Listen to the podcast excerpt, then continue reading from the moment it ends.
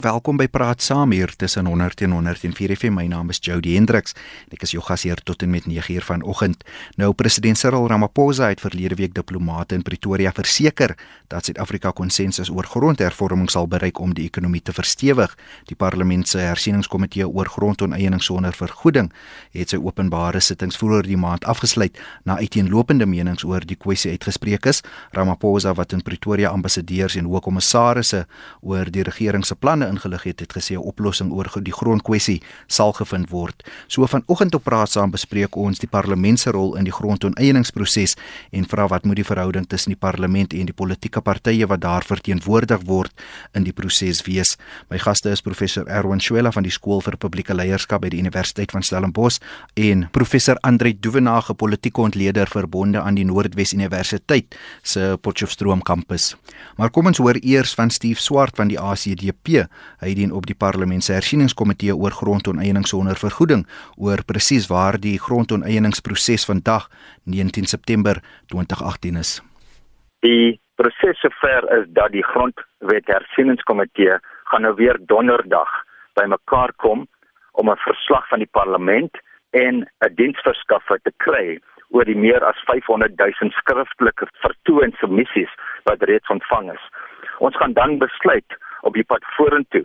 En van die ACDP se kant gesien, moet ons as 'n komitee daardie skriftelike sub submissie self oorweeg en self onder oë hê. En dit gaan uiteraard tyd neem. Ons moet nog kyk ook en dit het ek uh, laasweek voorgestel wie nog gevra gaan word om mondelingse getuienis te lewer gebaseer op hulle skriftelike submissies. Baie mense het gevra dat hulle mondelingse getuienis wil maak ook by hulle skriftelike submissies. En ek verwag uh, van my kant af dat die proses 'n uh, week of twee uitgestel gaan word uh, om ons as komiteelede in staat te stel om te kyk na daardie skriftelike submissies. En ons sal daarna na al hierdie besluite sou ons dan die verslag oor die mosie finaliseer of artikel 25 van die grondwet gewysig moet word al dan nie en dit moet dan na die parlement te gaan. En indien dit dan daai mosie aanvaar word, dan begin die proses eers en sal konsep wetgewing opgestel moet word oor die spesifieke bepalinge wat gewysig moet word, hoe die woorde gaan uit, hoe die woorde gaan lees in die artikel. En dit sal dan na die justisie portfolio komitee verwys moet word en dan begin die proses soos ek gesê het van die begin af weer openbaar verhore en skriftelike submissies. So dit gaan 'n geruime tyd duur voordat die parlement hierdie aspek finaliseer en daarna sal dit uiteraard 'n draai maak in die grondwetlike hof. Die stem daarvan Steve Swart van die ACDP Erwin en Andre goeiemôre. Goeiemôre Erwin. Erwin ons be ons begin by jou. Gee net vir ons 'n bietjie agtergrond oor die oorsig en wetgewende rol wat die parlement veronderstel is om te speel. Kom ons begin hier te sê Jody dat uh, die parlement is die verteenwoordiger van die uh, volk uh, of die nasie uh, wat 'n definisie mens nou ook al gebruik van Suid-Afrika. En uh, die parlement daarom is veronderstel om ons almal se belang uh, te op die hart te dra en vervul verskillende rolle in die verband. Die parlement het eintlik dan 'n paar rolle. Die eerste is is dat die die lede van die parlement wat op verskillende maniere verkies word, verteenwoordig die burgers, die kiesers in die parlement. Tweedens is die parlement ook 'n uh, 'n uh, 'n belangrike rolspeler teen opsigte van die maak van wetgewing. So die die parlement maak die wette. Ehm um, keer uiteindelik die wette goed. Die staatspresident teken dit en dan word dit wet. Derdens het die parlement 'n oorsigrol, 'n baie belangrike oorsigrol om te verseker dat al die ander gesagsliggame van die staat, uh, byvoorbeeld die uitvoerende gesag en die staatsdiens en die uitvoerende meganismes van die staat dat hulle hulle werk behoorlik doen. Dit eh, hang dan saam met die hele idee van openbare verantwoordingdoening en die behoud van aanspreeklikheid van ministers en selfs die parlement uh, of uh, die president teenoor die parlement en al die verskillende staatsdepartemente, staatsondernemings. En dan het die parlement ook nog 'n baie sterk rol teen teen opsigte van ehm um, die simboliese waarde wat dit het. In die sin dat dit is 'n grond die grondslag van die demokrasie is dat ons parlementêre verteenwoordiging het dat ons met ander woorde 'n sê het in dit wat met ons gebeur. Ehm um, dat die dat die nasie die die die, die burgers uh eintlik uh, werklik geken moet word en die parlement verrig dan sy werksaamhede om hierdie funksies uh, te vervul in samehang of in samewerking met in in ons geval praat die grondwet spesifiek van samewerkende regering um, met die ander instellings dit wil sê eerstens die die regsprekende gesag tweedens die uitvoerende gesag en dan ook in 'n in 'n in 'n in 'n samewerkingsverhouding met die nasionale staatsdepartemente, die provinsiale departemente en plaaslike regeringsinstellings. Uh, so die parlement is 'n absoluut belangrike 'n bousteen van ons van van ons demokrasie. Ehm um, en die parlement se uh, regte en bevoegdhede is baie sterk uitgespel en deeglik uitgespel in die grondwet en die grondwet het ook baie besondere bepalinge om te verseker dat die parlement in ons almal se belang behoort op te tree. So dis dis dis 'n oorsig um, ja. en ek is seker daarvan Andrei sal ook 'n klompie insigte hê oor ehm um, oor hierdie hierdie aspekte en dan kan mens verder gaan kyk ja. hoe die parlementsrol dan nou uitspeel ehm um, in dinge soos kontroversiële sake soos uh die verandering van die grondwet om uiteindelik moontlik uh grondonteiening sonder vergoeding uh te kan kan wetmaak en dit gaan ook nie 'n maklike taak wees nie soos meneer Swart nou reeds aangedui het. Professor Duvenage dan besluit die ANC in Desember daar moet nou 'n mosie vir grondonteiening sonder vergoeding wees. Hoe word die parlement dan betrokke? Wel, ek wil net so 'n bietjie op die pad teruggaan van daai besluit. Ons moet onthou dit was 'n redelike kontroversiële oorwinning van meneer Ramaphosa. Baie groeperinge het dit nie verwag nie en die grondkwessie is deur die agterdeur in die spel ingebring om na my oordeel eintlik eenheid binne die ANC te behou. En daarvandaan is dit toe via 'n parlementêre proses geneem en ons weet dat meneer Ramaphosa by meer as een geleentheid opgestel was om die grondkwessie pertinent te hanteer. Nou as ons dit alles sê, dan dan wil ek sê dat die grondkwessie en artikel 25 en die moontlike wysiging daarvan waarskynlik een van die grootste politieke beleidskwessies is wat nog in die parlement hanteer is sedert 1994 en natuurlik hanteer gaan word.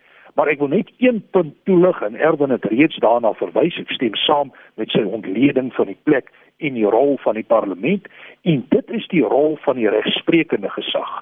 En dit is natuurlik dat jou parlement kan nie funksioneer buite die konteks van die grondwet nie. En ons praat eintlik hier van 'n grondwetwysiging.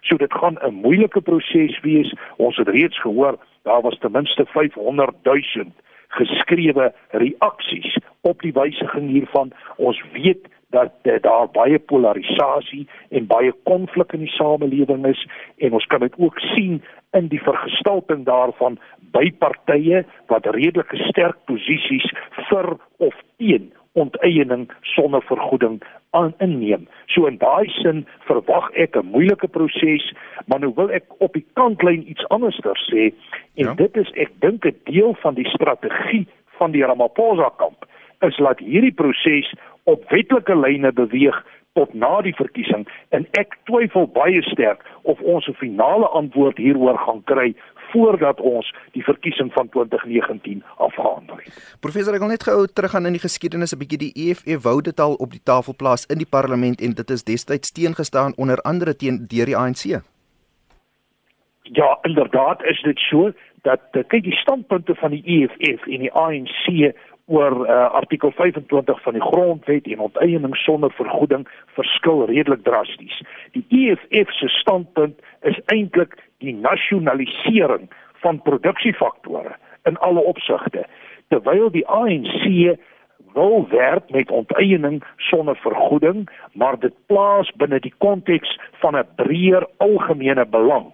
Maar nou moet ek sê die tyd toe daardie standpunt ingeneem is toe was die vlak van konflik tussen die EFF en die ANC groter as wat dit vandag is. My indruk is dat daar tog 'n effense toenadering van die partye heens mekaar is op die stadium en ek dink as die ANC sy uh, beleid wil deurvoer en hulle wil sover gaan om artikel 25 van die grondwet te wysig dan sal hulle ongetwyfeld inkoop moet kry van die EFF So ek verwag vorentoe samewerking, konflik, alliansies en 'n klomp dinge rondom die hele kwessie van grondonteiening sonder vergoeding. Erwin Steve Swart het nou vir ons 'n prentjie geskets van wat tot dusver gebeur het. Net jou reaksie op die verhore en die voorleggings wat ons gesien het.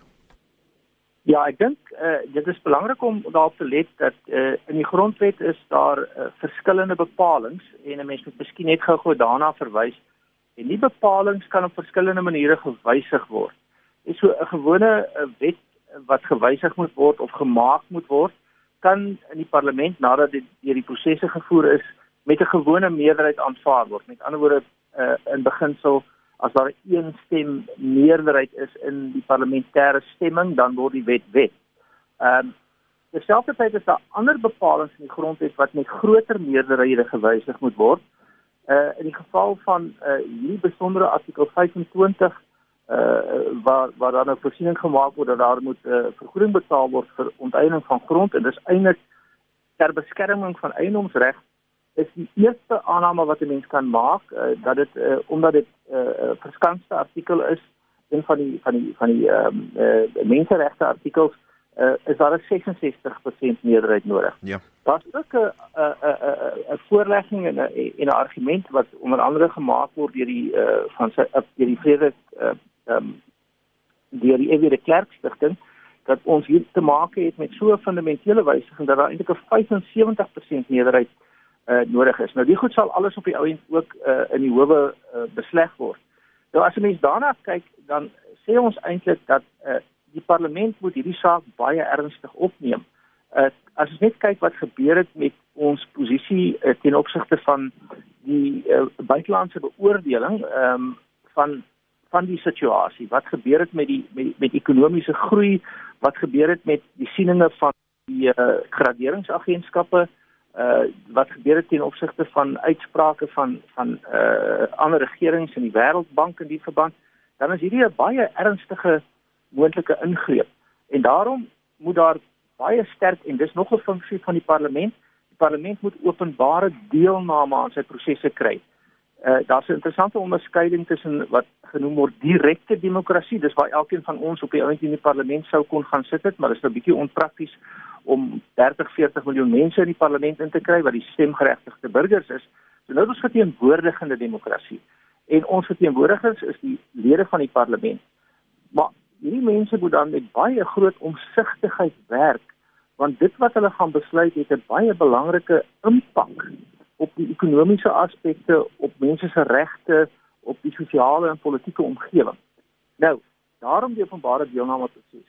Eh uh, dit is interessant dat hierdie hierdie komitee van die parlement is natuurlik eintlik nie primêr oor grondonteieninge, dis die dit is die komitee wat handel met grondwetlike hmm. wysigings. Ja. Maar as die grondwet nou gewysig moet word dan in die, in die geval van gronde is nou die betrokkeheid.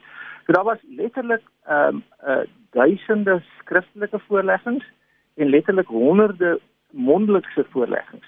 En dit is interessant dat by die mondelike voorleggings was die aanduiding dat die meeste mense wat mondelinge voorleggings gemaak het, was ten gunste van 'n uh, vorm van uh, onteiening sonder vergoeding met ook sterk teenstand, maar as 'n mens net gaan tel. Terwyl die skriftelike voorleggings is daar aanduidings dat afhangende van wie tel, uh, tot 60% is is eintlik die mees realistiese telling van die skriftelike voorleggings.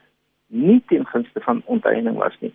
Daar was natuurlik baie meer skriftelike voorleggings as mondelinge voorleggings en nou is dit weer 'n kwessie van hoe weeg jy hierdie aspek. Want op 'n of ander manier gaan al die verskillende belangegroepe van hulle argumenteer dat hierdie openbare deelnameproses bevoordeel hulle standpunt. En dit is 'n moeilike een. Ehm um, is is 'n is 'n mondelinge voorlegging van 'n van 'n klomp mense wat baie ernstig uh, daarop ingestel was om dit te verander. Is dit meer werk as 'n klomp skriftelike voorleggings van 'n groot aantal mense en dis 'n debat wat nou sal moet aangaan. Ja.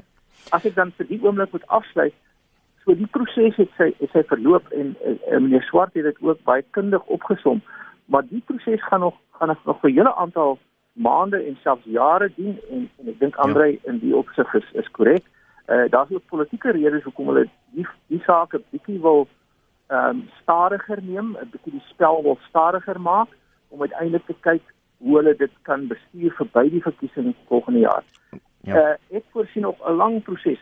Die howe gaan nie betrokke raak, daar gaan 'n klomp sake hieroor wees en ek dink as dit gebeur gaan dit nie binne maande nie, maar eerder binne jare gebeur voordat hierdie wysiging, die wysiging kan selfs aangebring word, maar voordat hy werklik 'n uh, uh, uh, wet word en geteken word en uiteindelik dan toegepas word. Die stem van professor Erwan Chwela ons praat oor die parlement se rol in die grondoneenings sonder vergoeding proses. Dit is 21 minute oor 8. Jy luister na Praat saam as jy wil saamgesels 0891104553 en ek dink ons het vir Corne op die lyn. Corne, goeiemôre.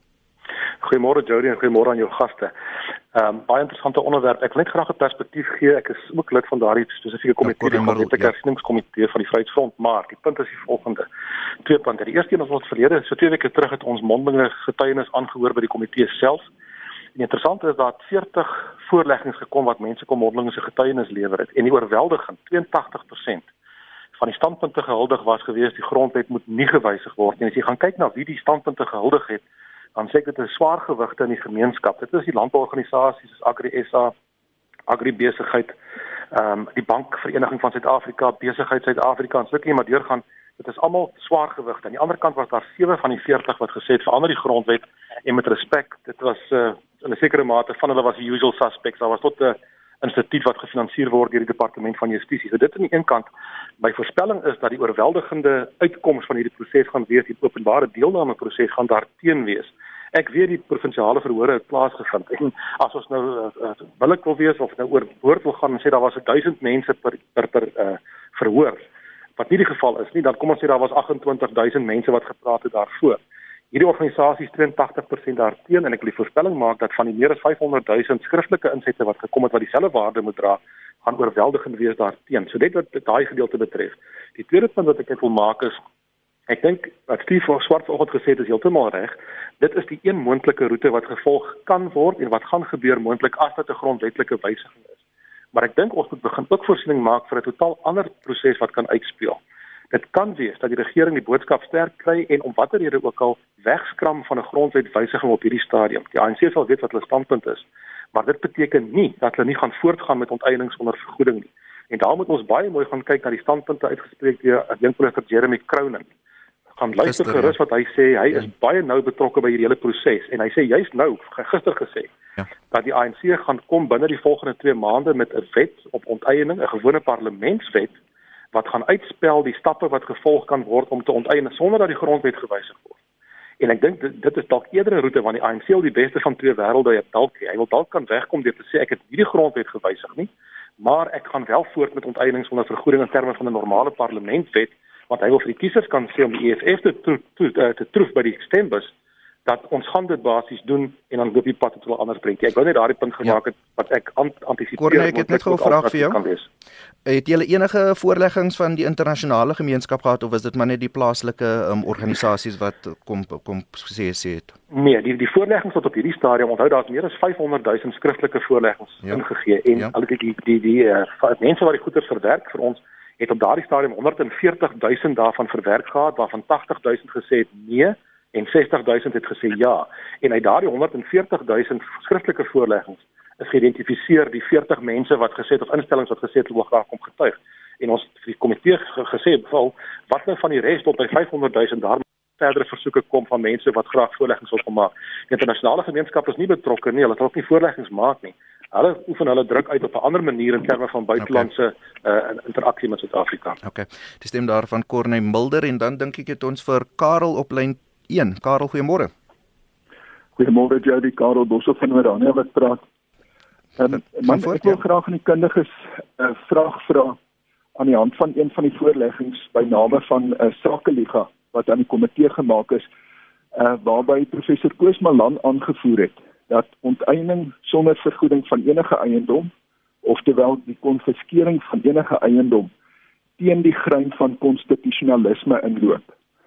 Uh toevallig lees ek op die oomblik self die Republiek van Plato en die ehm uh, konstitusie van Athene soos deur uh, Aristoteles beskryf en is baie duidelik dat 'n uh, onafhanklike burgery is afhanklik van of bou hulle onafhanklikheid op eiendomsreg. Dit is wat hulle onafhanklik maak. En oomblik as 'n uh, regering homself die reg uh, daai eiendomsregte uh, te vertrap, dan ehm um, is jy eintlik buite die raamwerk van konstitusionalisme en dan uh, sou 'n uh, regering wat dit doen nie op die gehoorsaamheid van sy burgery kan aanspraak maak nie. Baie dankie Karel vir jou mening. Professor Andre Duvenage wil u net reageer op die twee inbellers en dan ook oor die wat ons gesien het daar by die voorleggings en die verhore, die uitlopende uiteenlopende menings en sienings by by by die proses. Jody ja, ek dink eh uh, Corneille het 'n sterk argument daar weet en ek dink dis ook die denklyn van die Ramaphosa groep om te kyk hoe ver kan hulle grondonteiening sonder verneem binne die bestaande raamwerke wat gebied word binne artikel 25 van die grondwet en verwante wetgewings. Ek dink die som wat hulle maak op die stadium is dat die meerderheid voorleggings is daarteen en dit is substantief, so daar's 'n kwantitatiewe argument, maar dalk belangriker, daar's 'n kwalitatiewe argument in terme van groot belangegroepe ook uit die sake en korporatiewe omgewings wat sterk standpunt hierteen inneem. Dan is daar uiteraard ook internasionale druk. Dis nou bo en behalwe wat ons gehoor het van Donald Trump, is daar in talle internasionale omgewings groot druk en dit is ook so dat privaat besit van produksiefaktore is ook ingebed in bepaalde handelsooreenkomste. Dit word internasionaal deur organisasies onderskryf. So ek dink hier is groot druk op die regering om binne die raamwerk van artikel 25 te funksioneer. Die ander kant van die argument is dat daar ook groot politieke druk van die grondvlak afkom uh om artikel 25 te wysig.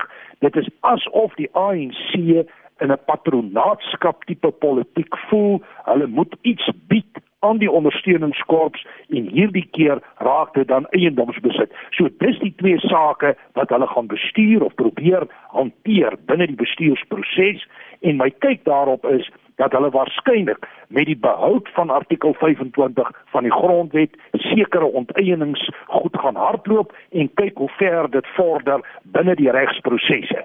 Dis ook belangrik om na Jeremy Cronin se standpunt te kyk. Ek weet departement openbare werke beplan om 'n wet voor te lê binne die volgende 2 uh, maande ja. en ek dink dit gaan dan die raamwerk wees waar binne artikel 25 van die grondwet getoets gaan word. Die argument van Karel Boshoff oor konstitusionalisme dink ek is 'n baie geldige argument en ek wil net die lyn vinnig terugtrek na waar kom die staat vandaan? Die staat het tot stand gekom histories uit die behoefte van mense om orde, stabiliteit en sekuriteit uh, te hê. En dit lê daarin jy het bepaalde belange en jy betaal aan 'n owerheid belasting om hierdie belange van jou op 'n wyse te beskerm. Nou as dit dan sou wees dat die staat begin om daardie belange te ondermyn, selfs weg te vat, dan is dit 'n probleem en lê dit myns insiens buite die raamwerk van die sogenaamde kontrak tussen owerheid en burgery en raak dit die grondslag van konstitusionalisme en ook dit wat in Suid-Afrika bestaan. So ek dink daar is 'n argument in die verband. Daar's natuurlik ook 'n ander argument en dit is dat mense moet privaat kan besit ten einde die ekonomie te laat funksioneer en waar privaat eienaarskap bestaan en waar dit grondwetlik gewaarborg word, is dit ook 'n omgewing waarin geld uh, inbeweeg waarin finansiering kom en waarin ook ontwikkeling kom. So ek dink die argument van Karel is 'n korrekte argument. Erwin het vroeër verwys dat daar wel 'n 66% meerderheid nodig gaan wees om die proses goed te keur en dit beteken dat ons moontlik samewerking en koalisies in die parlement gaan sien. Dit is sodat die ANC as uh, hulle hulle weergawe van ehm um, wat hulle nou ook op uiteindelik besluit sou wou deurvoer as 'n as 'n wysiging van artikel 25 van 66% uh, of 2/3 'n uh, 2/3 meerderheid moet kry.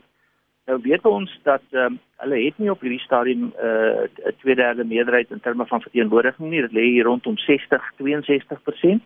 So dan het hulle eintlik uh, te min ondersteuning om 'n grondwetwysiging deur te voer. En dit skep nou ook 'n interessante dilemma. Want dit beteken hulle moet dan 'n uh, koalisie uh, wel 'n soort van 'n samewerkings uh, ooreenkoms kry met a, met 'n ander party om hulle grondwetwysiging um, te steun. En dit uh, word baie interessant in die sin dat uh, die EFF het 'n ander siening van uh, onteieningssonder vergoeding wat daarop neerkom dat alle uh, grond- en produksiefaktore, maar kom ons werk net maar vir oomblik met grond. Dit wil sê ook stedelike grond uh, uh, aan die staat uh, moet behoort uh, of uh, die staat daaroor moet beheer hê en dat die res van ons dan op 'n of ander manier met 'n goedkeuring van die staat ons eiendom kan gebruik. Ehm um, dit is nie die ANC se standpunt nie. Nou sal dit 'n vraag wees of die EFF wat hierdie uh, veel meer radikale standpunt het of hulle nou bereid sal wees om 'n sagter standpunt te steun van die ANC. Ehm um, en my vermoede is gegee die geskiedenis dat hulle waarskynlik dit nie sal doen nie. Hulle uh, politieke strategie en politieke kommunikasie ehm um, wat baie slim is, werk daarop dat hulle in 'n sekere sin sê ehm um, ons is suiwer, uh, ons gee nie om wat die gevolge is nie. Ons tree op in die belang van ons kiesafdelings, uh, ons constituencies en ons gaan nie 'n afgewaarde afgewaarde weergawe sien nie. Uh, die implikasie daarvan is dat die ANC moeilik daar gaan slaag om vir hulle standpunt uh, uh 66% en soos ek gesê daar self self argumente dat reg sterk regte argumente dat jy in die geval moet kyk na 75% dat hulle die steun gaan kry om daai amendement in, in tot die grondwet eh uh, uh, deurgevoer te kry. So daar is ook nog 'n politieke proses hier. Uiteindelik dink ek die speel die ding uit dat daar 'n vorm van ehm um, kom ons sê kompromie sal plaasvind en ek kyk ook na die na die Crownen voorstelle. Ehm um, dit is net interessant as hulle so 'n wet sou maak al hulle die druk 'n bietjie af, maar terselfdertyd ja. kan die wet natuurlik dan ook uh ehm um, in die, in die howe ehm um, as dit ware getoets word en sal dit getoets word want in 'n sekere sin kan jy uh regstegnies argumenteer die wet doen eintlik iets wat die grondwet verbied om te doen en wat eintlik 'n grondwetwysiging vereis. So ons is in hier in jarelange prosesse en debatte en uiteindelik met tydsverloop dink ek word die ding of erger of of beter. Ja. My gevoel is is dat daar 'n kompromis gaan kom en dat die ding dan op 'n manier op 'n versagte wyse deurgevoer gaan word en die EFF sal dan aanhou met hulle strategie van ontwrigting en en 'n uh, radikale ehm um, kommunikasie om hulle om hulle steenbasis tevrede te stel. Die stem van professor Erwan Schwella, dit is 25 minute voor 9. Kom ons gaan lyne toe. Nikki op lyn 2. Goeiemôre. Hallo Jody, is Nikki Greiling van Nysna. Kan voort Nikki? Om jy weet hierdie hierdie ding is nou al so deurgetrap en deurgetrap. Wanneer kan ons eendag die regering kry om na mense te luister wat weet? Wat weet wat gebeur, wat sien in die wêreld aangaan? En dit alles tot ons nadeel is. En wat ek vir jou wel wil sê is dit Hallo Zimbabwe, hier kom ons. En die dag as hulle hier voor instap en my ou huisie vat hier in Nysna omdat die EFF so sê, dan moet jy weet. Ja. Dan is dit finaal klaar met ons. Ek hoor jou. Dankie hoor. Baie dankie Nikki en dan is Nathan op lyn 2. Nathan, goeiemôre. Goeiemôre, meneer, goeiemôre almal. Ek is geweldig ontstel oor die hele affære van mense grondvat. Ek dink uh, ek ek wonder ek sou net sê vir wie gaan die regering tevrede stel? Vir die EFF of vir die verlede? Los die boere uit.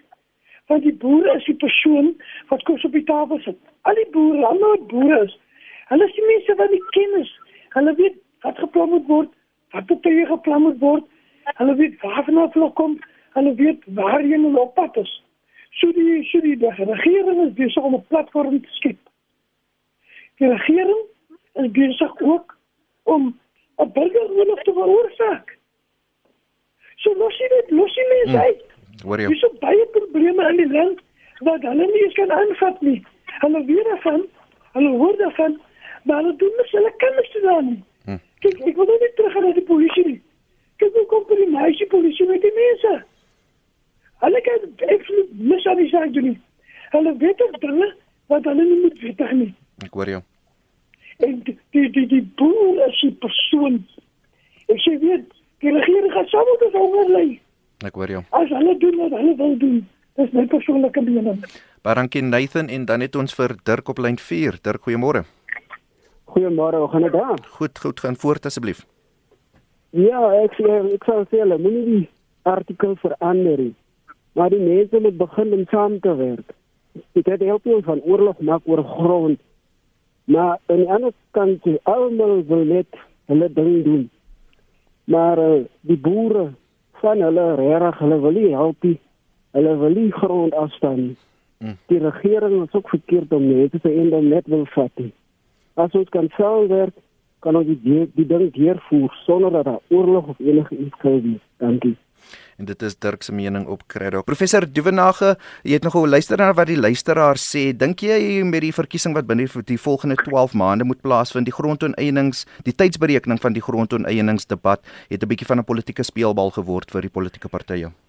Jody, daar's geen twyfel dat die dat die verkiesing waarskynlik primêr gevoer gaan word rondom die grondkwessie. Daar sal ander kwessies ook wees, maar ek verwag die fokus gaan lê rondom die grondkwessie en dit is in 'n sin problematies want ek is bekommerd dat dit geweldige polarisasie kan skep binne die Suid-Afrikaanse samelewing dat dit konflik en selfs geweld kan bevorder.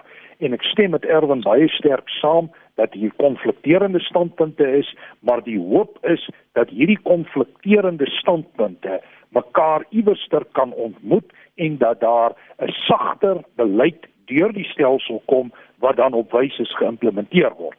Maar ek wil net so 'n stap uh, verder gee as wat Erwin gedoen het in sy vorige ontleding en dit is die vraag wat gaan gebeur in die 2019 verkiesing. En my indruk is ons werk met twee scenario's. Jy werk met 'n scenario waar die ANC waarskynlik bo 50% kom ons sê hier middel 50% uit die spel kan kom wat vir meneer Ramaphosa genoeg mag gee om relatief veilig te regeer. Maar nou weet ons van prosesse wat hardloop binne die ANC. Mens dink aan die rebelle, jy dink aan Zuma, Ismagashule, Supramo Mopelo en dis nie uitgesluit dat hulle so impak kan hê op die ANC dat die ANC se steunvlakke val na 'n scenario van minder as 50% nie. In so 'n geval gaan meneer Ramaphosa gedwing word om strategiese vennote te soek en dit mag hom met ander oë laat kyk na die EFF veral as die ANC in die aanloop tot die verkiesing baie sterk gehardloop het op onteiening sonder vergoeding. So ek moet sê ek stem saam dat die EFF en die ANC nie natuurlik in die parlement sal saamwerk nie, maar ons kan met 'n verkiesingsscenario sit wat die ANC kan dwing om strategiese vennote te soek en dit mag beteken dat uh, van die EFF belange ingekoop word in die ANC. Ons weet daar is groot steun vir meneer Malema huidig binne die ANC ook. So hier sit ons met 'n dinamika en 'n uitspeel. Iets net oor wat die kommentators of die inbellers gesê het. Ek wil maar net die punt maak dat ons verwag objektiviteit in die wetenskap en die akademie, maar politici primêr is nie noodwendig ja. bekend vir hulle objektiviteit en hulle rasionaliteit nie. Hulle is daar aangestel om sekere belange te bevorder en dit beteken dikwels konflik, dit beteken dat hulle moet terugvoering gee aan hulle ondersteuningskorps en dit beteken baie keer dat hulle die groter perspektief op sake noodwendig verloor omdat hulle bepaalde belange bevorder. En waar die grondkwessie so omstrede emosionele kwessie is dink ek ons kan dit verwag. Die hoop is maar net dat die opstel van die belange van so 'n aard is dat die kompromis 'n goeie uitkoms kan bied in die verband. En ek dink meneer Ramaphosa het reeds die lyn getrek dat hy 'n oplossing soek vergelykbaar met dit wat ons in die nuwe grondwet gekry het voor 94. So as dit die lyn is, kan mens met 'n wen-wen hier uitkom, maar op die oomblik is die politiek baie vloeibaar. Erwin, so wat sou gebeur indien die politieke landskap in die parlement na volgende jaar se verkiesing verander? Hoe sou dit die grondoneiningsproses beïnvloed volgens jou? Voordat ek daai scenario's uh, uh bespreek, dink ek moet ons net gou weer kyk Nou wat het ons nou eintlik al reeds hier bereik wat tog wel aandui hoe belangrik hierdie parlementêre prosesse en openbare deelname prosesse onder deur die parlement gevoer is. As mense nou daaroor dink, kom ons gestel net maar vir die oomblik dat uh, ons het nie hierdie prosesse gehad nie. Ehm um, en ons sou gekry het dat as gevolg van die besluit by die ANC se se nasionale konferensie uh, en die EFF se uh, politieke aandrang op bepaalde um, wysigings en uh, uh, uh, taamlike radikale dramatiese verandering wat groot impak kan hê. Uh, as as dit nou net sou deurgegaan het sonder dat hierdie gesprekke wat ons nou voer, die klomp voorleggings wat gemaak is, die parlementêre prosesse oppositiepartye met verskillende standpunte van oor die hele spektrum is van die EFF wat sê ehm um, ehm um, plaas uh, grondeiendom alles in die hande van die staat eer tot uh, mense wat sê maar moet niks doen nie. Uh, dan kon ons daai goed eintlik gehad het. Ek dink dat ons net gegee die onderwerp van vanoggend ook moet sê dis juist die die die die, die funksionaliteit van hierdie soort gesprek en openbare deelname. Uh baie meer debat, baie meer gesprek, meer gesofistikeerde standpuntinname. Die radikales aan beide kante van die spektrum gaan hulle standpunte behou want hulle het 'n ander uh benadering en hulle het ook terselfdertyd 'n ander stel belange. Hulle speel na hulle kiesafdelings toe en hulle stel nie eintlik regtig belang om 'n kompromis te kry nie. Uh om dit om net hierdie lyn van argumentering af te sluit, hierdie proses het reeds dink ek 'n waardevolle bydrae gemaak om die posisies uh, uit te klaar, op te helder en en selfs tot 'n mate te versag. Ehm um, en ek dink dit is die waarde van hierdie prosesse. Uh die, die tweede aspek oor die oor die scenario's Ehm um, daar is ook 'n 'n scenario wat moontlik kan word en dit is dat uh, die groot groep uh, mense in die ANC wat weliswaar nie die EFF se sieninge deel nie. Ehm um, en en en hulle kan sterker raak gegee die feit dat eh uh, die af die afsplitsing van moontlike eh uh, dele van die van die ANC eh uh, onder die onder die breë uh, leierskap van van van meneer Zuma of op 'n of ander manier dat dit 'n impak het op hulle steun. Mag dit ook moontlik maak dat die alliansievennote die die die die die die, die sentrum uh, linkse DA kan wees. So so mens mens weet nie. Ja. Ehm ja. um, dit hang af van ideologie en van belange. My siening is is dat die waarskynlikheid oor tyd kan manifesteer of realiseer dat uh, die die die die DA in 'n sekere sin is 'n 'n 'n toenemende sosiaal-demokratiese party, kom ons sê net maar uh, uh, aan daai kant van die politieke spektrum, die ANC is 'n meer linkse sosiaal-demokratiese party en as daar regtig 'n bedreiging kom vir die grondwetlike demokrasie, is daar selfs 'n sterk moontlikheid dat hierdie twee partye wie se ideologie op 'n of ander manier nader aan mekaar is en wie se belange nader aan mekaar is dat hulle kan begin kyk na na na na koalisie koalisies as koalisievennote. Dit klink uh, baie onwaarskynlik maar daar is dinamika, onderliggende dinamika wat sê dis nie heeltemal onmoontlik nie. So volgende jaar se verkiesing moet ons nou sien wat gebeur en daarna dink ek en dan miskien op die punt afsluit Suid-Afrika het so 'n manier om te gaan tot op die rand van die afgrond, nê. Nee. Maar dan gee ons nie een stap vorentoe oor die afgrond nie, ons gee dikwels een stap terug weg van die afgrond af. Dis nou maar die manier waarop ons lyk dit my ons politieke dinamika bedryf. Byna groetheid uh, Ferdi, jy's die laaste inbeller vir die oggend. Goeiemôre. Haai, goeiemôre, hoe gaan dit? Goed en jy? Dit gaan goed, gaan goed. En net gou my bydra. Ehm um, ons maatskappy, ons ons werk in presisie boerdery, so ons elke dag met boere te doen. En as jy ou gaan kyk na die oeskattingskomitee se uh, elke jaar van hoeveel hektare word aangeplant, kom ons sê somergraan gewasse en die tipe goed. Dan kyk ou omtrent na so 3.8 miljoen hektaar hier nie. En ehm um, as jy gaan kyk van 94 af het die staat alreeds iets soos amper 8 miljoen hektaar bekoms wat dubbel dit is wat as somergraan gewasse aangeplant word. En ek dink die die parlement se rol ehm uh, moet wees om te sê hierdie 8 miljoen hektaar wat ons alreeds het, ehm um, kom ons kom ons wys vir die mense in ons land hoe hoe wil ons hierdie grondhervorming toepas?